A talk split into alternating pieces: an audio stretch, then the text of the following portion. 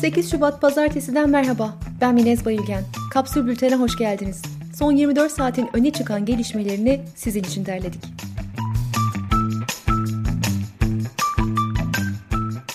Salgında kadın olmak araştırmasının sonuçlarına göre kadınların %96'sı salgın sürecinde şiddete maruz kaldı. Salgından önce ruh halini iyi olarak tanımlayan kadınların oranı %79 iken salgın sonrasında bu oran %30'a düştü. Araştırma 100 kadından 40'ının genel sağlık hizmetine erişimde sorun yaşadığını da ortaya koydu. Salgın öncesinde ekonomik durumunu orta halli olarak tanımlayan kadınların oranı %86 iken salgın sonrası bu oran %66'ya düştü. Aradaki %20'lik kesimse durumunu yoksul veya çok yoksul olarak tanımlamaya başladı. Profesör Doktor Ayşe Buğra, Boğaziçi Üniversitesi'ndeki protestolar nedeniyle Cumhurbaşkanı Erdoğan tarafından hedef gösterilmesini yorumladı.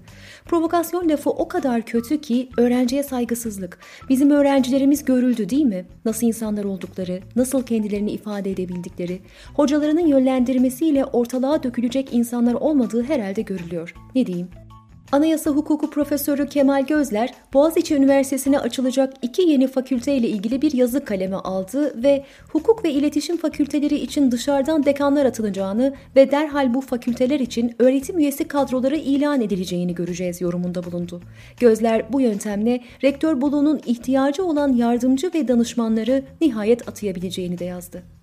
Öğrenci Sendikası ve Boğaziçi Dayanışması Twitter hesaplarından paylaşım yaptığı gerekçesiyle gözaltına alınan Mimar Sinan Güzel Sanatlar Üniversitesi öğrencisi Beyza Bulda tutuklandı.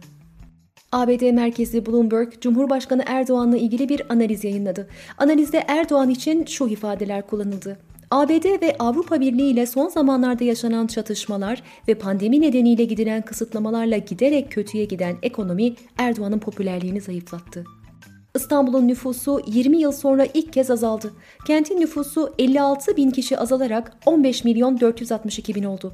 Nüfus azalmasının en önemli sebeplerinden biri kentin Ege ve Akdeniz'e verdiği göçler. Meteorolojinin aktardığına göre İstanbul önümüzdeki cumadan itibaren kar yağışının etkisi altına girecek. Kar yağışı aralıklarla bir hafta sürecek. Soğuklar Şubat sonuna kadar kenti terk etmeyecek. Türkiye'de ikinci doz aşı uygulamaları başlıyor. 28 günlük bekleme süresi dolanlar ikinci doz aşıları bu hafta olacak. Çin'den ikinci sevkiyatla gelen 6,5 milyon doz aşının 14 günlük test süreci sona ermek üzere. Aşılar testleri geçerse acil kullanım onayıyla kullanıma sunulacak. Bilim Kurulu üyesi Profesör Doktor Levent Akın, boş vermişlik içerisinde İstanbul'un kopup gittiğini ve ikinci zirvenin yaşanabileceğini söyledi. Önlemlere uyan sayısı gittikçe azalmaya, kalabalıksa bir o denli artmaya başladı dedi. İstanbul Üniversitesi Tıp Fakültesinden doçent doktor Seda Özkan, toplumun koronavirüs bulaşır korkusuyla acil servise başvurmaktan çekindiğini söyledi. Evde ölümlerin arttığına vurgu yapan Özkan, acil durumlarda zaman kaybedilmemesi uyarısında bulundu. Yeşiller Federal Meclis Milletvekili Cem Özdemir, Merkel yönetiminin Türkiye'de hukuk devleti meselesinde muğlak kalan açıklamalar yaptığını söyledi. Almanya'nın Türkiye'deki demokratik kuruluşlara verilen desteğin yetersiz kaldığını belirten Özdemir, Alman hükümeti yatıştırma temelli politikasına son verip Erdoğan'a açık ve net biçimde gerçek yakınlaşma istiyorsan partnerlerimize böyle davranamazsın demeli dedi. Europol Genel Müdürü Debol, salgın döneminde suç örgütlerinin altın çağını yaşadığını söyledi.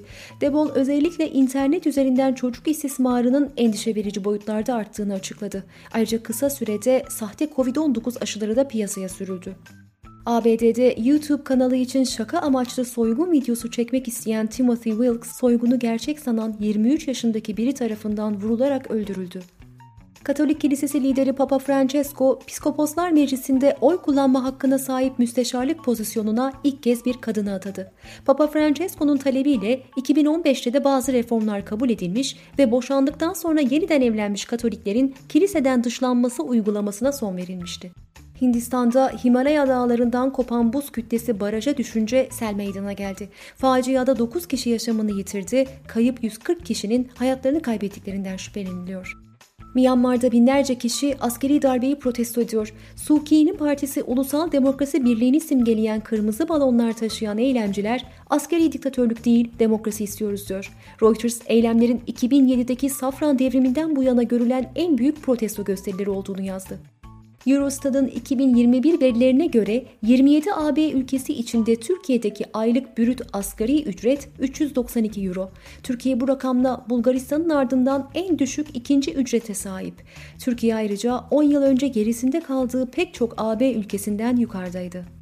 Afyonkarahisar'daki çiftçilerin patatesleri depoda kaldı. Bir çiftçi tepkisini 2000'li yıllarda Ecevit hükümeti 16 dekara destekleme veriyordu. O para 13 kilo mazot ediyordu. Bugün o para 2 kilo mazot etmiyor. Ondan sonra çiftçiye ek, tarlayı boş koyma. Hadi ektik ne oldu? sözleriyle ifade etti. Simitçiler ve Pideciler Odası'ndan Savaş Delibaş, cirolarının %80'ini kaybettiklerini açıkladı. Esnafın belediyelerden yardım kolileri bekler hale geldiğini söyleyen Delibaş, gün geçtikçe eriyoruz. Kimsenin nefes alacak durumu kalmadı. 15 gün daha böyle giderse hafta sonu kısıtlamasından ziyade esnaf kalmayacak. Esnaf sorununu da kökten çözmüş olacaklar dedi. Yiyecek ve içecek sektörüne ciro kaybı desteği verilecek. Destekler 2 bin liradan az, 40 bin liradan fazla olmayacak. BDDK 300 milyon TL sermayeli Destek Yatırım Bankası AŞ ünvanlı bir kalkınma ve yatırım bankası kurulmasına izin verdi. Böylece Türkiye'deki banka sayısı 55'e yükseldi. Günün sözüyle kapatıyoruz. Çorum'da av tüfeğiyle ateş açarak sokak köpeğini ağır yaralayan 50 yaşındaki Mehmet K'dan kendisini görüntüleyen basın mensuplarına. Ne çekiyorsunuz? Görende adam öldürdük sanır. Kapsül'ün e-bültenlerine abone olmak için kapsül.com.tr'yi ziyaret edebilirsiniz. Hoşçakalın.